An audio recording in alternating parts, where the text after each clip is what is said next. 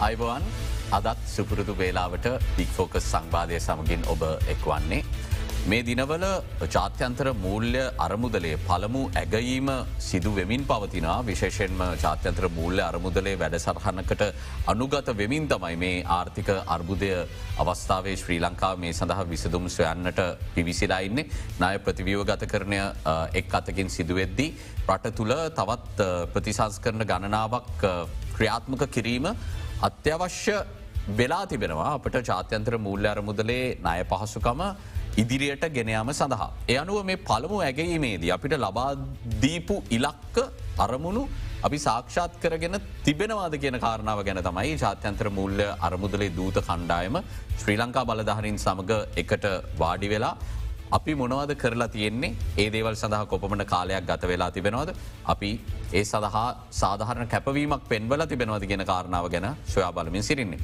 දැන් ඒ ඇගයි මෙසේ සිදුවෙද්දී අපි අපසු හැරි බලන්නට තීරණය කලා මේ ජාත්‍යන්ත්‍ර මූල්‍ය අරමුදලේ පළමු වාරිකය අපිට ලැබුණු අවස්ථාවේ සිට මේ පළමු ඇගීම දක්වා ශ්‍රී ලංකාවේ ආර්ථිකය මොනවද සිදුවනේ? අපි කරපු ප්‍රතිසංස් කරන එක් දීර්ඝකාලීන ප්‍රතිඵල මොන වගේද කියන කාරණාව ගැන කතා කරමු. මාචාරය ප්‍රියංග දුනසිංහ මහත්මයට ඇරයුම් කළේ අයිවන් කියල මහචරිතුම පිළිගන්න අයිවන්. මාචරිතුමනි දැන් මේ දෙවන වාරිකය ලබා ගැනීම ඉතාම වැදගත් ඊටත් වඩා අය ප්‍රතිවයෝ ගත කරන ක්‍රියාවලේදී ජාත්‍යන්ත්‍ර මූල්‍ය අරමුදලේ සහයෝගයක්ත් එක් ඉදිරිටයාම ඒ හරහා නය හිමියන්ට ලබා දෙන විශ්වාසය තම් වැදගත්. ඔබ කොම දකින්න මේ පළමු ඇගේීම වන විට ශ්‍රී ලංකාව මේ ප්‍රතිසංස් කරන ක්‍රියාවලියට ගත්ත කැපවීම දිහා බලද්දි. ඒ ගැන ඔබේ තක්සේරුමොකක්ද. මුලින්ම ස්තුතිවන්ත වෙනවා වැඩ සටහනට ආරාධනා කිරීම සම්බන්ධය. විශේෂයෙන්ම අපිට පේන්න තියෙන මූලික කාරණාව තමයි පැහැදිලිවම අපි දකිනවා දැ මීට පෙර ජාත්‍යන්ත්‍ර මූල්‍ය අරමුදලට ලංකාව ගිහිල්ලා මේ ආකාරයේ ගියසුම්වලට එලබුණු වාරගාන වාර්දාසයක් විතරෙන මෙදා හත්පිනි වතාව තමයිගී. ඒ කාලසි ඒ එක් අවස්ථාවලදී පළවෙනි වාරිකය මේ ආකාරයටම වාරිකාතර ඇගීමක් සිද්ධ වුණා. ඒ ඇගීම්වලට හා ඒ විශේෂම වැඩ සටහන් වලට සාපේක්ෂෝ බලනකොට අපිට පේන මූලික කාරණාවත් තමයි මෙවර ජාත්‍යන්තර මූල්‍ය අර මුදලේ වැඩසටහන පිළිබඳව ලංකාවේ සියලුම දෙනා මම හිතන විදියට ලංකා විතරත්න මේ පරිබාහිරත් විශාල උනන්දුවක් දැක්වුන් ලැබුව ජාත්‍යන්ත්‍ර මූල්‍ය අර මුදලේ වැඩ සටහන කුමක්ද ඒ අටත් එක් කරන්න සිද්ධ වෙන මූලික ප්‍රතිශංස් කරන මොනවද කියන එක සම්බන්ධෙන් විශාල උනන්දුවක් දක්වුන් ලැබ ඒ වගේම ජනතාව අතේරුණුත් විශාල සහයෝගයක් ජාත්‍යන්ත්‍ර මූල්‍යයාර මුදලේ වැඩ සටහනට මෙවර ලැබුණ. මේ තත්ත්වය තුළ තමයි අපි දකින්නේ රජයට හැකියාවක් ලැබුණා වෙන මීට පෙර අවස්ථාවන් වලදී ජාත්‍යන්තර මූල්‍ය අරමුදල සමග කරනු ලැබූ එකඟතාවන් වලදී අදාළ ප්‍රතිසංස් කරනලට සාපේක්ෂව දැනෙන ප්‍රතිසංස් කරන වල වෙනසක් නැන්නම් ප්‍රතිසංස් කරන ඉදිරියට ගෙනයෑමක් සිද්ධ වනා මේ අවස්ථාවේදී මේ ආකාරයේ ඇතරම ආර්ථික අර්බුදයකට ගිය නැත්නම්. අනිත් පැත්තෙන් ජාත්‍යන්තර මූල්‍ය අරමුදලය සහයෝගය ලබාගත්තේ නැත්නම් කළ නොහැකිව පැවති ප්‍රතිසංස්කරන ගණනාවක් රජයවසින් මේ අවස්ථාවදි හඳුන්වා දුන්න. මම හිතන්නේ ඒකයි කැනෙ. විශේෂයෙන්ම ආර්ථිකය තුළ නිවැරදි විය යුතුව පැවති ප්‍රතිසංස් කරන ගණනාවක් රජයට හැකියාවක් ලැබුණ ජාත්‍යන්ත්‍ර මූල්‍ය අරමුදල වැඩ සටහන යටතේ ඉදිරියට කරගෙන යන්ට අපි අපි මේක තේරුම් ගන්නට අවශ්‍ය අවස්සාවක් නිසා මවබතුමාට ආරාධනා කරන මීට පෙර ඉතාම දුෂ්කර වෙච්ච නමුත් මේ අවස්සාය ඔබතුමා පැහැදිලි කරපු විදියට ජනතා සහය සහ අපිට කරන්න බැරුව ඉන්න නොහැකි නිසා කරගන්න පුළුවන් වෙච්ච ධනාත්මක ප්‍රතිසංස්කතර ප්‍රතිසංස්කරන අතරින් කිහිපයක් ගැන කතා කරන්න කිය. ඔහු පලවෙනි ප්‍රතිසංස්කරණය තමයි මම දකින ආකාරයට විශේෂයෙන්ම අපි කියන සමාජ ආරක්ෂණයට අදාළව සමාජ ආරක්ෂණයට අදාළව යම් ආකාරයක දත්ත පද්ධතියක් හරහා එම පිරිස හරියාකාරෝ තේරුම් ගැනීමට අදාළව ඊට අදාළ වැඩ සටහන දියත් කිරීම. දැ මේක මේ අවස්ථාවේදී බැලූ බැල්මටම එම වැඩ සටහන හරියාකාරෝ ක්‍රියාත්මක නොයනෝ කියලා පේන්ඩ පුළුවන්.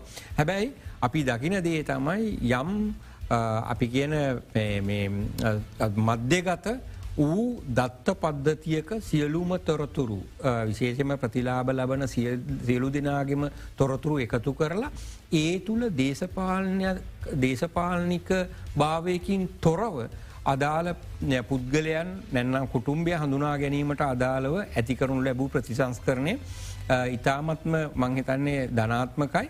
මේ අවස්ථාවදී ඒකර අපි දැන් අස්වැසුම යෝජනා ක්‍රමය තුළ ඇතිවෙච්ච ගැටලුත් එක් කෙනෙකුට ඒක හරියාකාරෝ විද්‍යාමාන නොවෙන්ඩ පුළුවන්. නමුත් මම හිතන්නේ ඒක ඉතාමත්ම ධනාත්මක ඉදිරි පියවරක් තිබ්බ. දෙවන කාරණාව තමයි විශේෂයෙන්ම මිල ගැලපීම් වලට ගත්තොත්. කනිජතෙල්වලට අදාලෝ විදුලියට අදාලෝ ජලයට අදාලෝ මිල ගැලපීම් පිළිබඳ අවධානයමුකරොත් මේ මිල ගැලපීම කියන එක කාලයක් තිස්සේ සිද්ධ විය යුතුව පැවතියත් ඇත්තරම සිදු කරගන්න බැරි වුණ. නමුත් මේ අවස්ථාවේදී ඒ මිල ගැලපුම් අදාළව මිල ගැලපීම් කිරීමට ඉඩ ප්‍රස්ථාවල් ලැබුණ. අනි පැත්තෙන් බදු පිළිබඳව අවධානයමු කරත්. බදු පිළිබඳ අවධානයමු කරත් අපි දැක්කදේ තමයි නිරන්තරයෙන්ම බදු අලුත් බදු හඳුන්වා දෙනවා ජනතා විරෝධය මත ආපස්සට අරගන්න ස්වරූපයක් තමයි පැවතිය. නමුත් මෙවර ඒ බදු සම්බන්ධයෙන් ප්‍රතිසංස් කරන වනත් ඉදිරියට යෑමට අදාලව කටයුතු සිදුවමින් පවතින ඒක මේ පේටැක්ස එකට අදාළ විතරක් නෙමේ විශේෂයම බදු ක්‍රමය පුළුල් කිරීමට අදාළ ප්‍රතිසංස් කරන මේ වන විට සිදුවමින් පවතිනවා ඒක. ඊළඟට මහබැංකුව ස්වාධීන කරණයට අදාළ වනත් ඒ පනත මම හිතන්නේ අවුරුදු ගණනාවක් තිස්සේ මීට පෙර ජාත්‍යන්ත්‍ර මූල්‍ය අර මුදලේ දෙදස් දාහතේ එකඟ ඌලියවිල්ල තුළත් මේක තිබුණ. නමුත් ඒක කරගන්න බැරුණ. මේ අවස්ථාවේදී මේ ආකාරයට හැකියාවක් ලැබුණ මේ මහබැංකුව ස්වාධීන කරණය කිරීමට ආදාළ කටයුත්ත ඉස්සරහට අරගෙනයන්. මේ ආකාරයට අපි දැක්කා විශේෂයෙන්ම මේ ජාත්‍යන්තර මූල්‍ය අරමුදල ක්‍රියාත්මක වෙන වැඩසටහන තුළ අර පෙර දී ඉතාමත් අසීරු වූ කරුණුකාරණ රාසියක් අපි ගැන ඇත්තරම වෙනස් විය යුතුව පවතින ආර්ථික ප්‍රතිසංස් කරන සමූහයක් හඳුන්වාදීමට හැකියාව ලැබුණ මම හිතන්නේ ඒක ඉතාමත්ම ධනාත්මක මොක දැන් ඉටමතර අපි දන්නද පාඩ ලබ පාඩු ලබන රාජ්‍ය ආයතන. වලත් විශේෂෙන් ව්‍යාපාර ප්‍රතිවහ ගත කරනය ක්‍රමාණුකුලෝ සිදුවමින් පවතිනවා. කල්ගත වුණත්. කල්ගත වුණත්. ඒක නිසා මම හිතන්නේ ඒක ධනාත්මක ඊට අමතර අපි දන්නවා දැන් අර විශේෂය මල්ලස දූෂණය වැලැක්වීම සඳහා නව පනතක් ගෙනීමට අදාළ ඒ කරුණුකාරණ මම දකිනදී තමයි දැ ලංකාවේ ඇත්තටම රට ඇතුළෙන් හඳුනගෙන ප්‍රතිපත්ති හඳුන්වාදීම් සිදුවලා තියෙන ඉතාම සීමිත විදියට ඇත්තටම ජාත්‍යන්තරිකව වෙනත් යම් ආකාරයක බලපෑමක් උඩ තමයි ලංකා බොහෝවිට ප්‍රති සංස්කරන ඉදිරියට අරගෙන ගිහිල තියෙන. ඒ පැත්තෙන් ගත්තා මම හිතන්නේ මේ ආර්ථික අර්බුදයක් ජාත්‍යන්තර මූල්‍ය අරමුදලට අපි ඒ සහයෝගය ලබා ගැනීමත් කියන එක ඉතාමත්ම තීරණාත්මක වුණා රටේ දිවකාලීන ආර්ථික සංවර්ධනයට අවශ්‍ය වෙන ප්‍රතිසංස් කරන හඳුන්වාදීම සඳහා. ආචරිතුමා නවත් දැන් ජාත්‍යන්ත්‍ර මූල්‍ය අරමුදලේ වැඩසරහන සහ ඒ හරහා අපි එකඟ වෙච්ච ප්‍රතිසංස් කරන සම්බන්ධයෙන් මේ වෙද්දී මත බේධාත්මක තත්ත්වයක් උද්ගත වෙමින් තියෙනවා. ටික කාලයක් යද්දී සාමාන දැන් පෝලිම් ටික නැතිවෙද්දී තිබිච්ච ජනජීවිතයට දෛනිකව තිබ දුෂ්කරත අඩුවෙද්දී. අපි මේ යන්නේ හරිපාරයද කියන ප්‍රශ්නය දේශපාලන වේදිගාවේ ඇතැම් ආර්ථික විශේෂඥීන් ඇතුළු බොහෝ විද්වතුන් පවා නගමින් සිරිනවා. නොක දැන් අපි මේ බෙහෙත් ගන්නේ ගමේ දොස්සර කෙනෙක්ගෙන් නෙමෙයි පිට ගමක දොස්තර කෙනෙක්ගේ ගමේ තත්ත්වය අඳුරන්නේ නෑවුන් ලෙඩා බේරගන්න බෙහෙත් දෙද්දී ගමේ තව ප්‍රශ්ට ගණනාවක් ඇතිවෙනවා මේ රටේ බුද්ධිමතුන් රටහැරයාම විශාල ලෙස ආර්ථික සංකෝචනයක් සිදුවීම මේ සියල්ල ජාත්‍යන්ත්‍ර මූල්‍ය අරමුදල අපිට දීපු සැර බෙහෙත් නිසා සිදුවෙච්ච දේවල් කියන තර්කය තමයි දැන් ඉදිරිපත් වෙන්නේ. ඒ නිසා දැන් අපි ගමට ගැලපෙන විදිර මේ බෙහෙත් තුන්ඩුව වෙනස් කරගන්න කතා කරන්න ඕන කියන යෝජනාවත් ඉදිරිපත් වෙන. ඔබ කොහොමද මේ දකිින්. ඕ මම මේක දකින්න ඇත්තටම මේක ගමේ ගමේ පුද්ගලයින්ට කෙනෙකුට ප්‍රකාශ කරලා ගැමියාව මේ පිළිබඳ මේ කතාවට අදාළ විශ්වාසයක් ගොඩ නැගිය හැකි උනත් මම හිතන්නේ නෑ මේක දැනුමක් තේරුමක් ඇති පාර්ශවයන්ට ප්‍රකාශ කරලා ඒ සඳහා මහජනතාව නැත්නම් පුද්ගලයා එකඟ කරව ගැනීමට හැකියාව ලැබේ කියලා. බොහම කෙටියෙන් කියනවනම් මම හිතන්නේ අපි තේරුම් ගත යුතු කාරණා කීපයක් තියෙන ඒ තමයි විශේෂයෙන්ම මේ ආර්ථික අර්බුදයට ලංකාව යන්නේ දේශපාලනය යාන්ත්‍රණය මගින් විශේෂයෙන්ම රාජ්‍ය පාලනය කියන කාරණාව රට පාලනය කිරීම කියන කාරණාව ආර්ථික මූලධර්ම පිළිබඳ කිසිදු තැකීමකින් තොරව දිගින් දිගටම සිදුකර ගැනෑමේ ප්‍රතිඵලයක් විදියට. එක පැත්තකින් අයවැය හිංගිය විශාල විදියට පුළුල් කරගෙන ගියා විශේෂයෙන්ම දරන්ඩ බැරි සහනාධාර ලබා දෙමින් චන්ද පොරොන්දු ඉටු කරමින් තමන්ගේ මේ සමහර ව්‍යාපෘති ක්‍රියාවට නංවමින් දේශපාලනී කරණය එකැත්ත තරම කියෙනවන මහජන මුදල්වලින් දේශපාලනය කර කෙටියම කියනවන. විශාල විදියට සුභසාධනවාදී ආර්ථික ආකෘතියක් නැන්නම් ආර්ථික මොඩල් එකක් අරගෙන ගිය.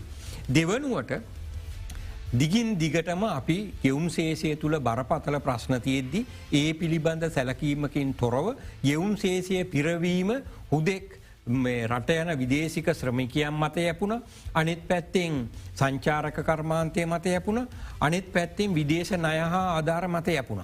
එතකොට අපි මේ ආර්ථිකය තුළ එක පැත්තකින් විශාල ඇවැ හිංගියක් කරගෙන යනවා අනිත් පැත්තෙන් විශාල ගෙවුම් සේස හිංගියක් කරගෙන ගිය. මේ දෙකම අරගෙන ගෑමට මූලික හේතු වනේ ඇත්තටම කෙටිකාලීන ආර්ථික ප්‍රතිපත්ති කරණය ජනප්‍රිය ආර්ථික ප්‍රතිපත්ති කරණය සාමාන්‍ය අපි කියන මේ ගමේ ගොඩේ ඉන්න චන්දදායකයා සනස්සවල අපි කියන මේ ජනප්‍රිය ප්‍රතිපත්ති හරහා දරන්ඩ බැරි ආකාරයට රජ ආර්ථිකයට දරන්ඩ බැරි ආකාරයේ අපි කියන සහනාධාර එම නැත්දම් සහනාධාර ලබා දෙන වෙල්පයා ස්ටේට් එක සුභසාධනවාදී ආර්ථිකයක් අරගෙන ගිය. හරිද දැ මේ සුභසාධනවාදී ආර්ථික ආකෘතිය ඇත්තටම සමග රටට ඉදිරියට යන්ඩ බෑ කියන එක තමයි මේ ආර්ථික කඩා වැටීම තුළ මූලික වසයම පෙන්නුම් කරේ. එනිසා මේ සුභසාධන අවාදී ආර්ථික ආකෘතියෙන් අපි මිදිල මොක දැන් අපි දැන් හැත්ත හතේදී ප්‍රකාශ කරේ ධනවාදී ආර්ථික ආකෘතිය.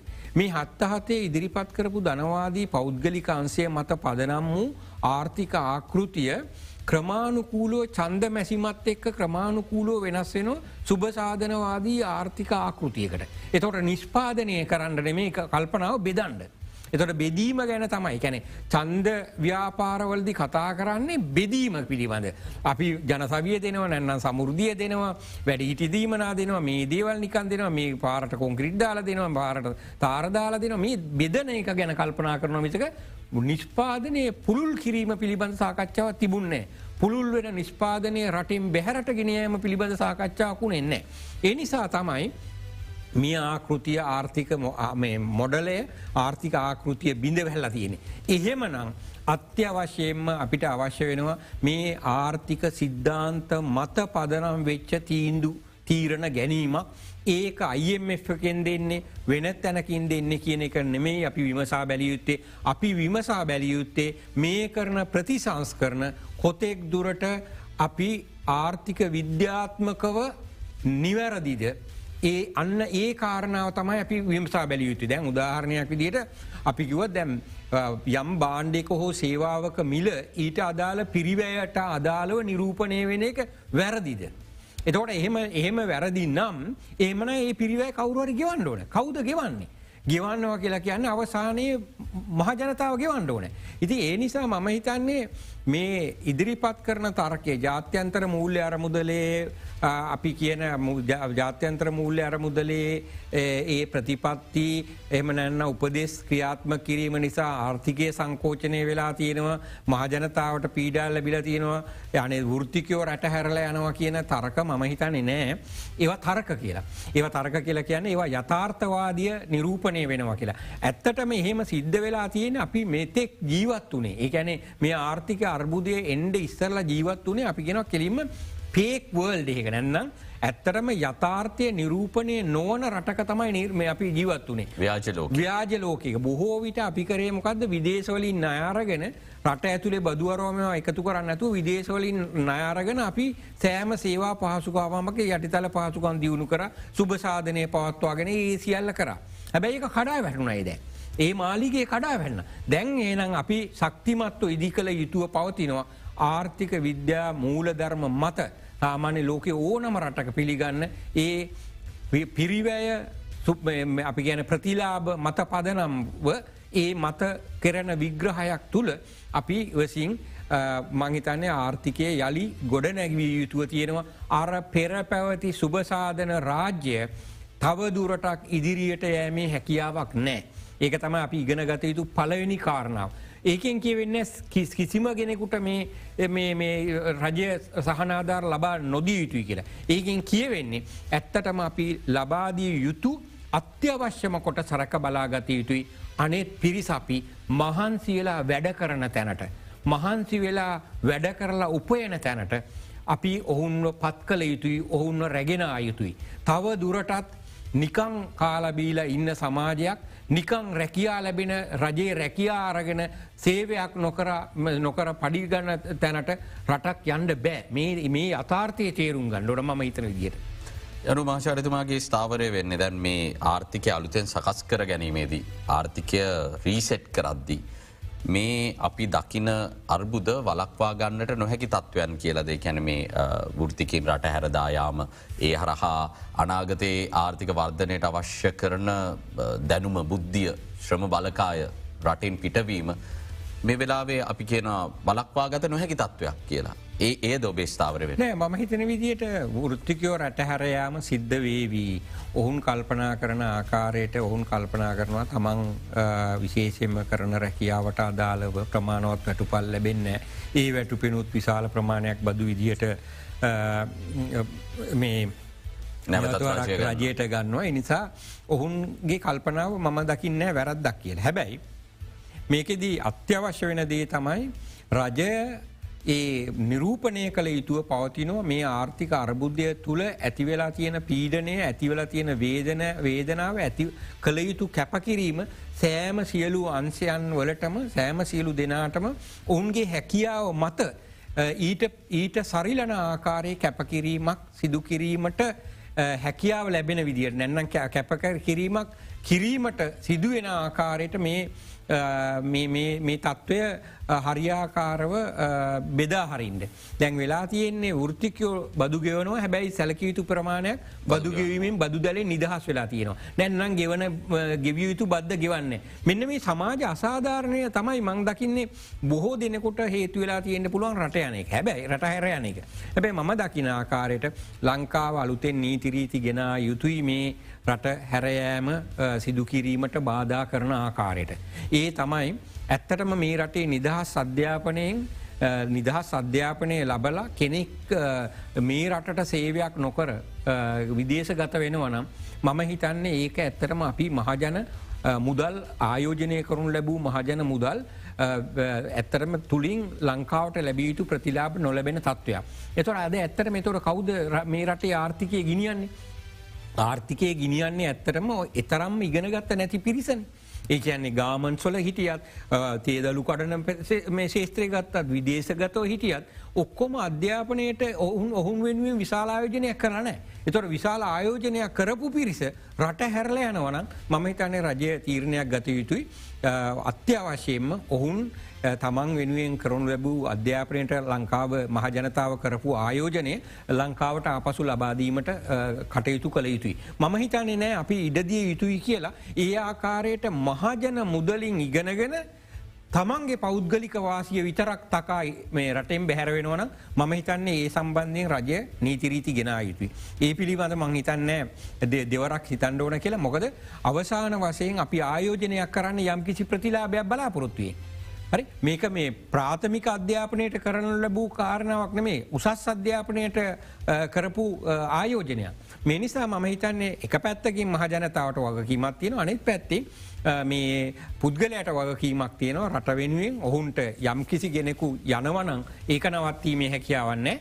ඒ නමුත් රජයට නැන්න රටට ඒ තමන් වෙනුවෙන් දරපු මුදල ගෙවීමට ඔහු බැඳී සිටිය සිටින පුද්ගලෙක් බවට පත් කළ යුතුව පවතිනවා. මම හිතන්න මේ නීති ඉදන්නවති හැට ගනන්වල පනස් ගනන්වල ලංකායි තිබුණ අලුත් නීති නෙමේ. හරි මේ නීති අනිවාරයෙන් පැවති නීති. එතොට මෑතකාලීනව යම් යම් පාර්සවයන්ගේ උවමනා එපාකම්වලට මේවා ඉවත් කලාට මම හිතන්නේ ඒ නැවත අපි හඳුන්වාදීතු මොකද යම් විදිහකට බුද්ධිගලනය විශාල විදියට සිද්ධ වුණොත් ලංකාවට මම හිතන්නේ එදදාසම් දෙදා සතලි සටය නෙමේ දෙදා එකසි හත්තලි සැටේවත් මහිතන්නය සංවර්ධ රටක් වෙන්න පුළුවන් කියලා මොකද අප්‍රිකානු මහද්දීපේටම වෙලාතිය නොය කාරණාව. විශාල විදිහට බුද්ධිගලනය තුළ ඇත්තටම ඒ රටවල්ල සංවර්ධන ධාරිතාව විශාල විදියට කඩා වෙල්ලා. ලංකාවේ තත්ත්වය නවත් අන්ඩෝන. ඒ තත්ත්වය නැවැත්වීම සඳහා මම හිතන්නේ එක පැත්තකින් රට තුළ ඔහුන්ට වෘතිකයන්ට ජීවත්වීමට සුදුසු පරිසරයක් ඇති කරන්න ඕන. ඒ තමයි මේ අසාධාරණ විදිහට මේ මේ බද්ධ අයකරත් ම හිතන්න නෑ මේ බදු අනුපාතක දිගින් දිකට මාර්ථිකය පැවතිය කියලා. මේ ආර්ථික අර්බුදය නිසා සියට තිස්සායක මට්ටමෙන් ලක්ෂයට වඩා වැඩි ආදෑමක් උපේනවනම් බදු ගණඩ සිද්ධ වුණා ම හිතන්නේ නෑ රජය මේ බදවා බදු ප්‍රතිසත මේ ආකාරයට පවත්වාගෙන යය කියලා. බදු අනුපාත සාධාරණ මට්ටමට එන්ඩෝන සාධාරණ විදිහට බදු අය කළ යුතු අය කළ යුතු වෙනවා. සියලු දෙනාම ආවරණය වෙන විදිහට එතොට ඒ හරහා මේ රජයට පුළුවන් ෘතිකයන්ට ලංකාව තුළ රැඳෙන්ඩ අවශ්‍ය ඒ අපි කියන සහන ලබා දෙන සහනය නෙමේ වටපිටාව ලබාදෙන්. ඊළඟට රට යනයක අදයිරිමත් කරන්න ඕන. ඒ ඒ සඳහා කරන්න පුළුවන් උපරිම අපි ගෙන බැරිියර එක. නැන්නම් උපරිම දාණ්ඩෝන ඒ සඳහා බාධාගන් බාධාවන්. ඒ බාධාව තමයි මම දකිනාකාරයට යනවනං අනිවාරෙන්ම ඒ තමන් වෙනුවෙන් දරපු උසස් අධ්‍යාපනයේදී ඒ අදාළ ආයෝජනය ලංකාවට ආපසු ගෙවීමට ඔහුන් එන සේනම දෙනාට විශ්වවිද්‍යාලෙන් එලියට එද්දී අය නොකරන බිල්පතක් ලබාදීල තිබුණනම් හරි. ඔබ යනවනම් මේක ගෙවලයි පැහැදිලි ති මේ හරිම පහසුනේ තමයි UGC එකේ ඩේටබේස එක කෙලීම කස්ටම් එකට වීට් කරහම එතකොට දන්නවා කවුද උපාදි ලබල තියෙන්නේ කියලනේ ඒ හරහා අනිවාරෙන් ඔහුන් යනවන ඒ අදාළ ගෙවීම කරලගේට ප්‍රශ්නයන්න මහි තන්න මේක මේ අපි මේ රට යනක වලක්වන්න ඕන. හොඳනෑ රට යනක වලක්වීමනේ අපි කළ යුත්තේ. ඒ තමයි මහජනතාව කරපු ආයෝජනය. ඔහුන් වෙනුවෙන්.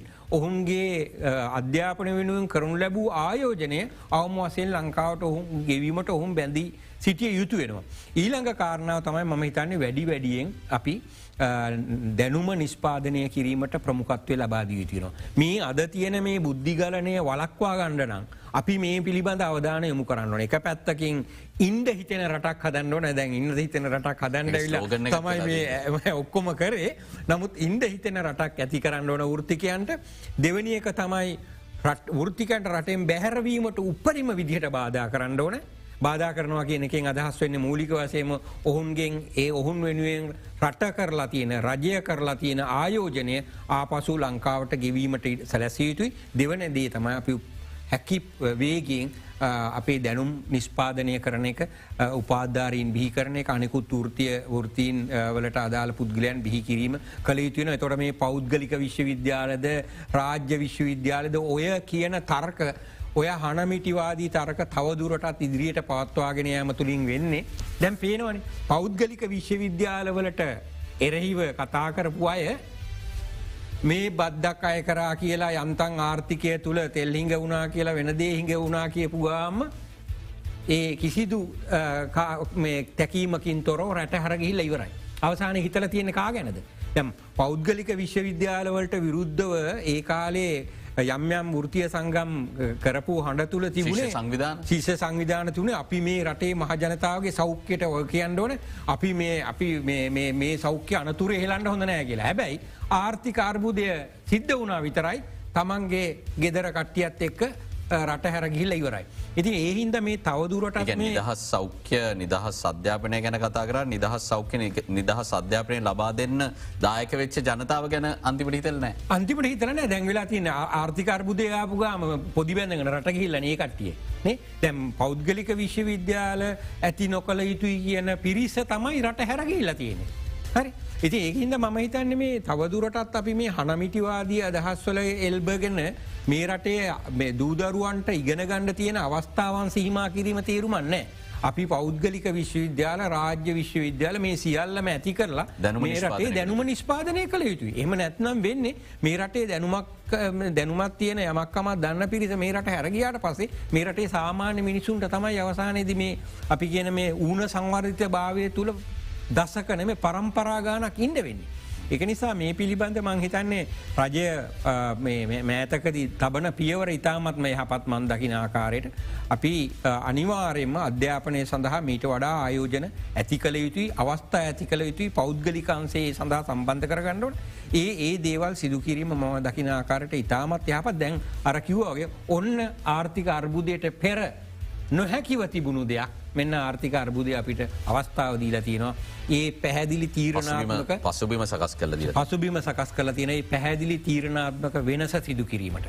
හොඳයි අපි රටේ ආර්ථිකය ගැන කතා කරදි රටේ ආර්ථිකය මේ තැනට වැටෙන්න මූලික වෙච්ච රෝග නිධානයන් ගණනාවක් ගැන කතා කරන්න අවස්සාව ලැබුණ විරාමයට කලින් විරාමයකට යන්නට සූදානම් වෙන්නේ ඉන්න අනතුරුවත් තා බොහෝ දේ තියෙනවා අවධානය යොමු කරන්න.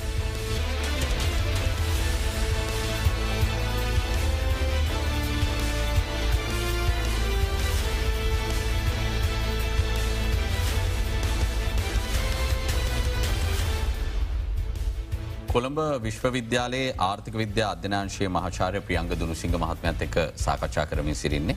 දැන්නේ වෘතිකයන්ගේ පැත්තෙන් ඔවුන් සිතා බැලිය යුතු ආකාරය පිළිබඳව ඔබතුමාගේ මතය ඔබතුමා ඉදිරිපත් කලා. නමුද රජය පැත්තෙනුත් ඔවුන්ට කිව්වා පෙයිටැක්සෙක් ගැන පළමු ඇගීම අවස්ථාවේ සලකා බලනවා කියලා. නමුත් අපිට පෙනෙන්නට නැහැ ඒ පිළිබඳව සලකා බලල වෘතිකයන්ගෙන් එකතු කරගන්න බදු සංඛ්‍යාවට යම්කිසි ආකාරයක සහනයක් දෙන්න තරම් බදු දැල පුළුල් කර ගැනීමක් මේ ගතවෙච්ච මාසාතරදි උනා කියලා. දේශ ආදායම් දෙපාර්තමේන්තුවේ අකාරක්ෂමතාවය ගැන තමයි සෑමවිටම අහන්න තියෙන්නේ. වෘතිකයනුත් මේ ගැන බලාගෙනී දිද්දි. ඔවුන්ට පෙනෙන්න්නට නැහැ හරි අපි දැම් මාසහතරක් අපිට පුළුවන් ආකාරයට ගෙව්වා දැන් රජය අපිට සාධාරණයක් කරන්න සාධාරණ කැපවීමකින්නා කියලා මේ පැත්ත ගැන ඔබතුමාකුම දීතන්න. මම එතැන මම සීයට සීයම්ම එකඟයි ඒ තත්ත්වය ඒ තත්ත්වය අපිට පේන්ඩ තියෙන කාරණාවක්. ඒ තමයි අපි දකින්නේ නෑ විශේෂයෙන්ම බදු වලට අදාළ ප්‍රතිසංස් කරන ඒ ආකාරයම ඉදිරියට ඒ අවශ්‍ය ප්‍රමාණමත් මට්ටමින් ඒ අවශ්‍ය වැඩ කටයුතු සිදුවෙන ආකාරයත්. හැබැයි යම් යම් කරුණුකාරණ සිද්ධ වෙනවා ඉතාමත්ම මන්දගාමී සුරූපයෙන්.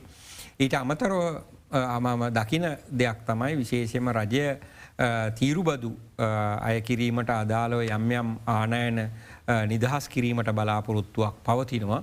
ඒ තුළ රජය බලාපොරොත්තුවෙනවා තීරුබදු ඉපැයිම් යම් මට්ටමකට පැමිණීම හරහා රජයට හැකියාව ලැබේවි කියලා විශේෂම පේටැක්ස එකට යම් සහනයක් ලබාදීමට.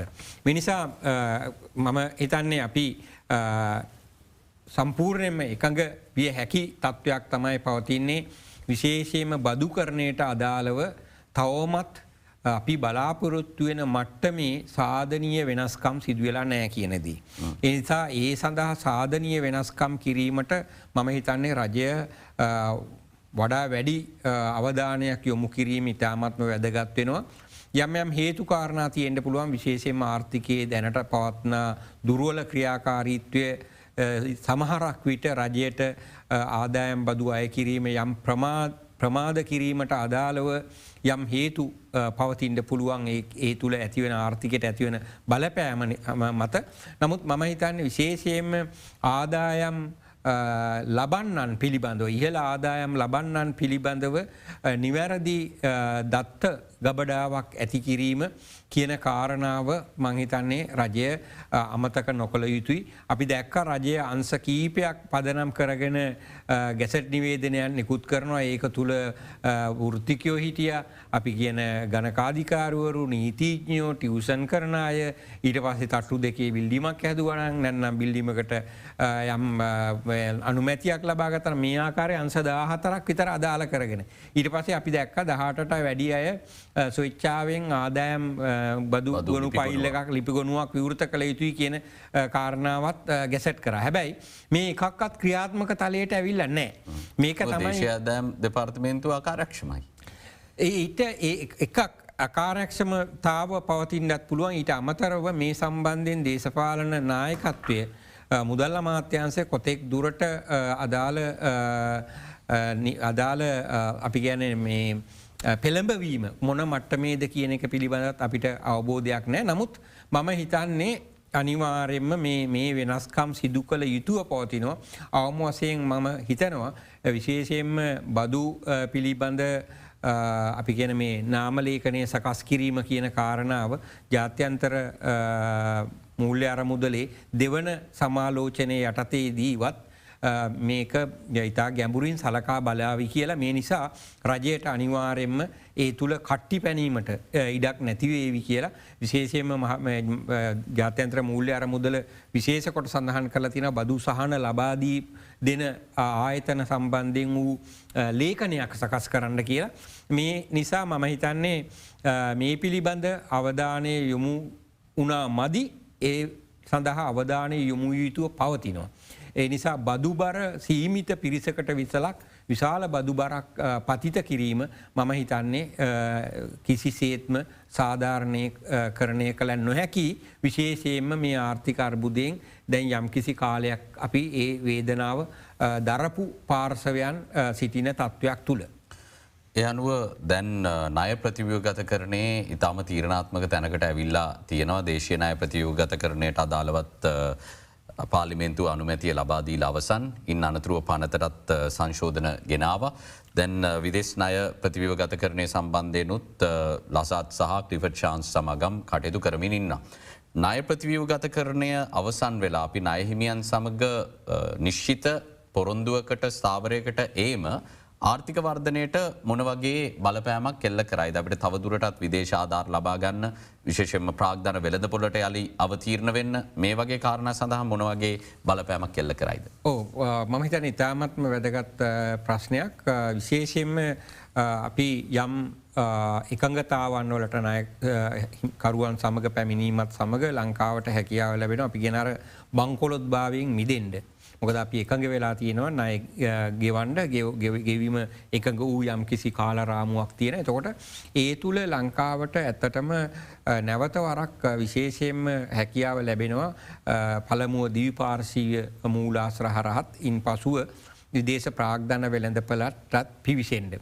මම හිතන්නේ ඒ ඊට අමතරව විශේෂම විදේශ ආයෝජකයින්ට දේශී ආයෝජකයින්ට යම් විශ්වාසයක් ලබා දෙනවා ලංකාවේ ආර්ථිකය සම්බන්ධයෙන්. අපි දන්නවා මේ වන විට ලංකාව දැන් දැනට ඩුබයි වල අයිත්‍රී කියන සමිට් එකේ කොළඹ වරාය නගරය තමයි මම හිතන්නේ ඒ තුළ අනුග්‍රහයක අනුග්‍රහක් කත්වයක් යටතේ ලංකාව විදේශ ආයෝජනයන් වලට ආයෝජකයින් පෙළඹවීම සඳහා වූ වැඩසටහනක් දියත් කරගෙන යනවා. මෙන්න මේ වැඩසටහන් වලට ආයෝජකයින් තිරසාර විදිහට රට තුළට ගෙනීමට අපේ බංකුලොත් භාවය මිදීම කියන ඉතාමත්ම වැදගත් වෙනවා. මේ නිසා මම හිතන්නේ අපි නැවතවරක් ප්‍රාග්ධන වෙළඳපලට යා යුතුද සොයිරී බැඳුම් කර නිකුත් කිරී කරමින් කියන එක මම හිතන්නේ ප්‍රශ්න සහගතව තියෙනවා. ඒ වෙනුවට අපි අඩු පොලී මූල්‍ය උපකරණ පිළිබඳ සැලකිල්ල යොමු කළ යුතුව පවතිනවා. තවදුරටත් මම හිතන්නේ නෑ ලංකාවට සෛරී බැඳුම් කර සංවර්ධන බැඳුම් කර වැනි මූල්‍ය බැඳුම් කර යටතේ ඉහල පොලියක් යටතේ නයාරගෙන ලංකාවට ගෙවීමේ හැකියාවක් ඇතිකර ගැනීම දුෂ්කරවෙන්න පුළුවන්. මම හිතන්නේ දැ මේ වගේ මූල්‍ය අර්බුදයකට ලක්වෙලා තියෙන රටවල් නිතරම කල්පනා කරන්න ඕන අඩු පොලි දිගු කාලීනයක් කාලයක් තියෙන ගෙවීම සඳහා වූ මූල්‍ය උපකරණ පිළිබඳ අවධානයමු කරන්න ඒ අතර ප්‍රධානම මූල්‍ය උපකරණ තම අපි ගෙන ඔය green bond blue bond social bond කියලා ඇත්තරම තියෙනවා මේ අපි ගැන හරිත බැඳුම් කර. හරි ඒ විදිහට බැඳුම් කර තියෙනවා විශේෂයෙන් අපිට හඳුරගණ්ඩ පුළුවන් එවැනි අවස්ථා උපරිම විදිහට ප්‍රයෝජන්ට ගණ්ඩ. ති ආර්ථික සංවර්ධනය වර්ධනය පිළිබඳ මම හිතන් අපි උඟාක් ලොකු අපි කියන්න මනවද ලොකූ බලාපොරොත්තු තියාගන්නට හොඳ නෑ මොකද අපි යන්න ජාත්‍යන්තර මූල්‍ය අරමුදලේ වැඩ සටහනක එතවට ජාත්‍යන්තර මූල්‍ය අරමුදල තුළ අපි සපයාගතයුතු උදාකර ගතයුතු ඉලක් ප්‍රමාණයක් තියෙන දෙදස් විසිහත්ත වෙනකම්. එතොට අපිට ඒවා අභිභාවා යන්ඩ බෑ ඒවා ඒවා සාක්ෂාත් කර ගැනීමට අදාළුව තමයි මූල්‍ය ප්‍රතිපත්තියා පිස්කල් ප්‍රතිපත්තිය භාවිතා කරන්න පුළුවන් වෙන්නේ. එනිසා එක්තරාකාරයට අපි අපි බලාපොරොත්තු වෙන්නේ මූලික වසයෙන්ම ආර්ථික ස්ථායිකරණය කියන දේ ඇතිකර ගැනීම තමයි දෙදස් විසිහත දෙදස් විසිතුන කාල සීමාව තුළදී. එතකොට අපිට හැක ආර්ථක ස්ථායි කරනයකින් කියවෙන්න අපි වේග ආර්ථික වර්ධනයක් ඇති නොකරගන්නවා කියලා. ආර්ථික වර්ධනයක් ඇති කරගන්නවා. හැබැයි ඒ ආර්ථික වර්ධනය ඇති කරගන්නේ අර ආර්ථික ස්ථායි කරණය කියන මූලික සන්දර්භය මත පිහිටලා අර අපි ගැන නිකං අර වාහනයේ පල්ලමට ගියා දැම් වාහනය අපි ක්‍රමාණුකූලෝ ආපස්සට ගන්නවා නමුත් අර තියෙන දේවල් නික ටයර් එහෙම හරියට හයිකරගන්නේ අනිත් දේවල් කැඩ්ලු බිඳුණු දේවල් හරියට හයිකරගෙන අපි ආපසට ගන්න. ඊට පස්සේ තමයි අපි ඉදිරියට අන්ඩ බලාපොරොත්තුවෙන ඒත් අපි ඉදිරියට මේ එක පාර්ට වේගෙන් ධාවනය කිරීමක් අපේක්ෂා කරන්නේ. ඉති ආර්ථිකයට අදාළුවත් අපි තේරුම් ගත යුතු දේ එක තමයි. අපි ආර්ථිකය පල්ලමට ගිය වේගෙන් ආපස්සට ගණ්ඩ අපිට හැකියාවකුත් නෑ ආපස්සට ගත්තා කියලා වේගෙන් ඉස්සරහට ධාවනය කිරීමේ හැකියාවකුත් නෑ. අපිට යන්ඩ වෙලා තියෙන්නේ යම් ස්ථායි කරණය ප්‍රමුඛ කරගත්ත ආර්ථික ආකෘතියක මොන දේශපාලන පක්ෂයාවත් අපි එකත් මතක් කළ යුතු වෙනවා මොන දේශපාලන පක්ෂයාවත් එවැනි ගමනක් යන්න වෙන්නේ. ඉති අපි බලාපොරොත්තු තියෙන්ට පුළුවන් වේගෙන් සංවර්ධනය වෙලා රට දෙදස් දහට තිබිච්ච දහනමේ තිබිච්ච තත්වයට ඇවිල්ල එතනින් ඔබ්බටත් ගිහිල්ල අපි වේගෙන් යන්න පුළුවන්කල් නමුත් පවත්න ආර්ථික යථාර්ථය තුළ මම හිතන්නේ නෑ ඊට අදාලා ආර්ථික ශක්තිය ඇතිකර ගැනීමට හැකියාවක් ලැබෙයි කියලා කෙටිකාලීනො. විශේෂයෙන්ම ණය ගෙවගෙවා ඉදිරියට යනකොට අපිට යම් ආකාරයක අපි දකින යම් යම්මට්ටමක දුෂ්කරතාවන් මැද තමයි අපිට ඉදිරියට ගමන් කරන්න සිද්ධ වෙන්නේ. කෙටි විරාමයක් ලබා දෙන විරාමය අනතුරුව යළිත් සංවාදය සමගේ.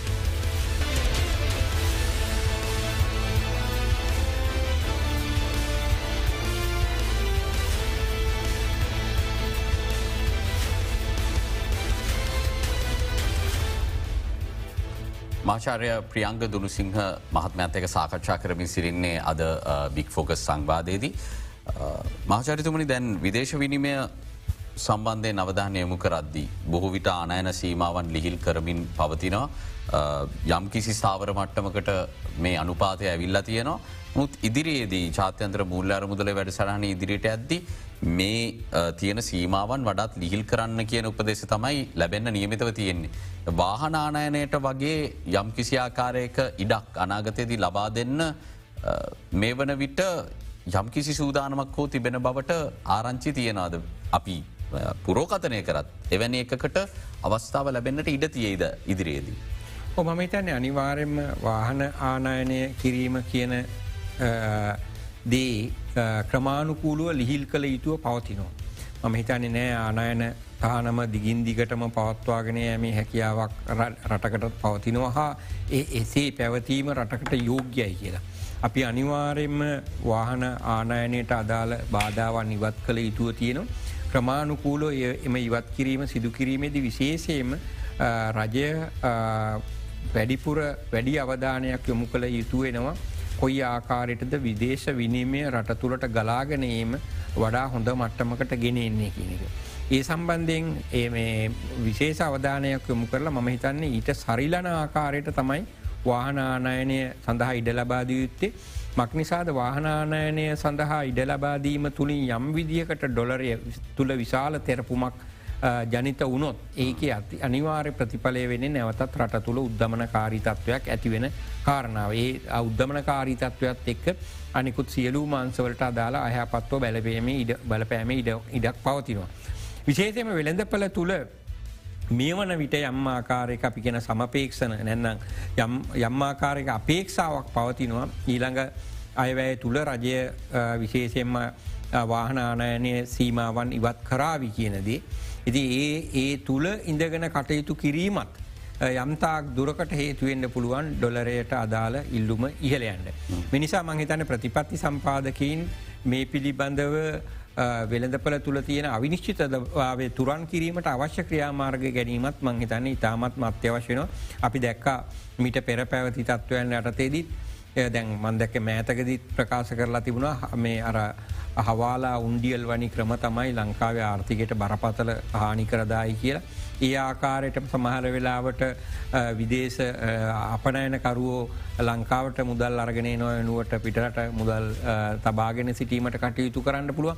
මිනිසා මේ වාහන ආනයනයට අදාළ කාරණාව මම හිතන්නේ විශේෂයම ප්‍රතිපති සම්පාදකින් ඒ පිළිබඳව අවිනිශ්චිතතාවයක් ඇති නොයන ආකාරයට කටයුතු කිරීම ඉතාමත්ම වැදගත් වෙන එම නොද අනි පත විශාල තීරු බදු ප්‍රමාණයක් එකතු කරගන්න හැකවතිව ඕ පැදිලියම තීරුබදු එකතු කිරීම හැකියාව පවතින අපි දැක බදවාදායම අඩුවීම. අපි ගත්තොත් දෙදස් විසි දෙක වර්ස තුළ බදවාදායම අඩුවීමට විශාලම වගකිය යුතු නැන්නම් ඊට ප්‍රධානම බලපෑ හේතුවක් වුණේ දෙදස් විසීකෙත් විසි දෙකෙත් ඇතරම වාහන ආනයනය සීම කිරීම නැන්නම් වාහනානයන සම්පූර්ණ නවතා දැමීම. ඉති මම හිතන්නේ වාහන ආනයනය සඳහා ලබා දීයුතු වෙනවා ඉඩ ඉඩ හැබැයි ඊට ලබාදිය යුත් හැකිවන්නේ මූලික වසයෙන්ම විදේශ විනිමය ඊට උදව් කරන නැන ඊට සරිලන ආකාරයට ගොඩනැගුණොත් පමණයි. එනිසා විදේශ විනිමය ඉලක්ක කරගත්ත ඉපෙයිම් ඉලක්ක කරගත්ත අන්සවලට ප්‍රමුකත්වය ලබාදීමත් මෙහිදී ඉතාමත් වැදගත්වෙනවා. ඒ හරහා ආයෝජන යම් ආකාරයකට ප්‍රවර්ධනය කිරීම අවශ්‍යතාවකුත් පවතිනවා. ඉතින් මේ පිළිබඳ වැදගත්ම කාරණාව තමයි වෙළඳපල තුළ අවිනිශ්චිත භාවයක් ඇති නොවෙන ආකාරයට එම කටයුතු සිදු කිරීම වැදගත්වෙන එම නැත්නම් නැවත වරක් අපි දකින්නේ අර එක්තර ආකාරයකට විදේශ රටවල්ල ඩොලර් ඩොලර් රඳවාගෙන සිටීම අනිත් පැත්තේ මෙහි මේ රට තුළින් ඩොලර් විශාල විදියට මිලදී ගැනීම. දැ මේ දෙක සිද්ධ වුණොත් ඒ දෙක රට රටේ ආර්ථික නැවතත් යම් අවිනිශ්චිත තත්ත්වයකට රැගෙනයාමට වුවත් ප්‍රමාණුවත් විය හැකි තත්ත්වයක් විදිරම හඳුරගන්න පුළුවන්. හොඳයි බෙහිවින්ම සූතියන්තය න මහචරිතුමාට අද අපේ ආරාධනාව පිළිගත්තාට ඉතාම වැදගත් සංවාදයක අපි නිරතුනේ මොකද මේ තත්ත්වය සම්බන්ධයෙන් මේ වන විට විවාධාත්මක වාතාවරණයක් තියන්නේ ජාත්‍යන්ත්‍ර බූල්්‍යාර මුදලේ යෝජනා ඒ ප්‍රතිසංස්කන ක්‍රියාත්මක වෙද්දී ආර්ථිකයට සිදුවමින් පවතින්නේ සංකෝචනයක් බව පැහැදිලි. නමුත්තය එසේ සිදුවෙන්නේ ඇයි කියන කාරණාව ගැන අද අපි කතා කලා ඔබතුමාට බෙහිවින්ම සූතියන්තයනාද අපේ ආරාධනා පිළිගත්තාට.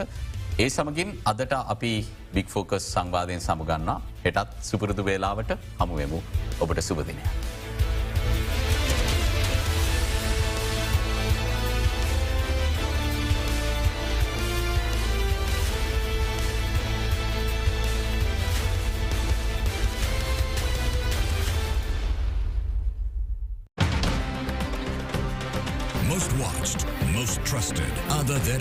24, Sri Lanka's number one news source.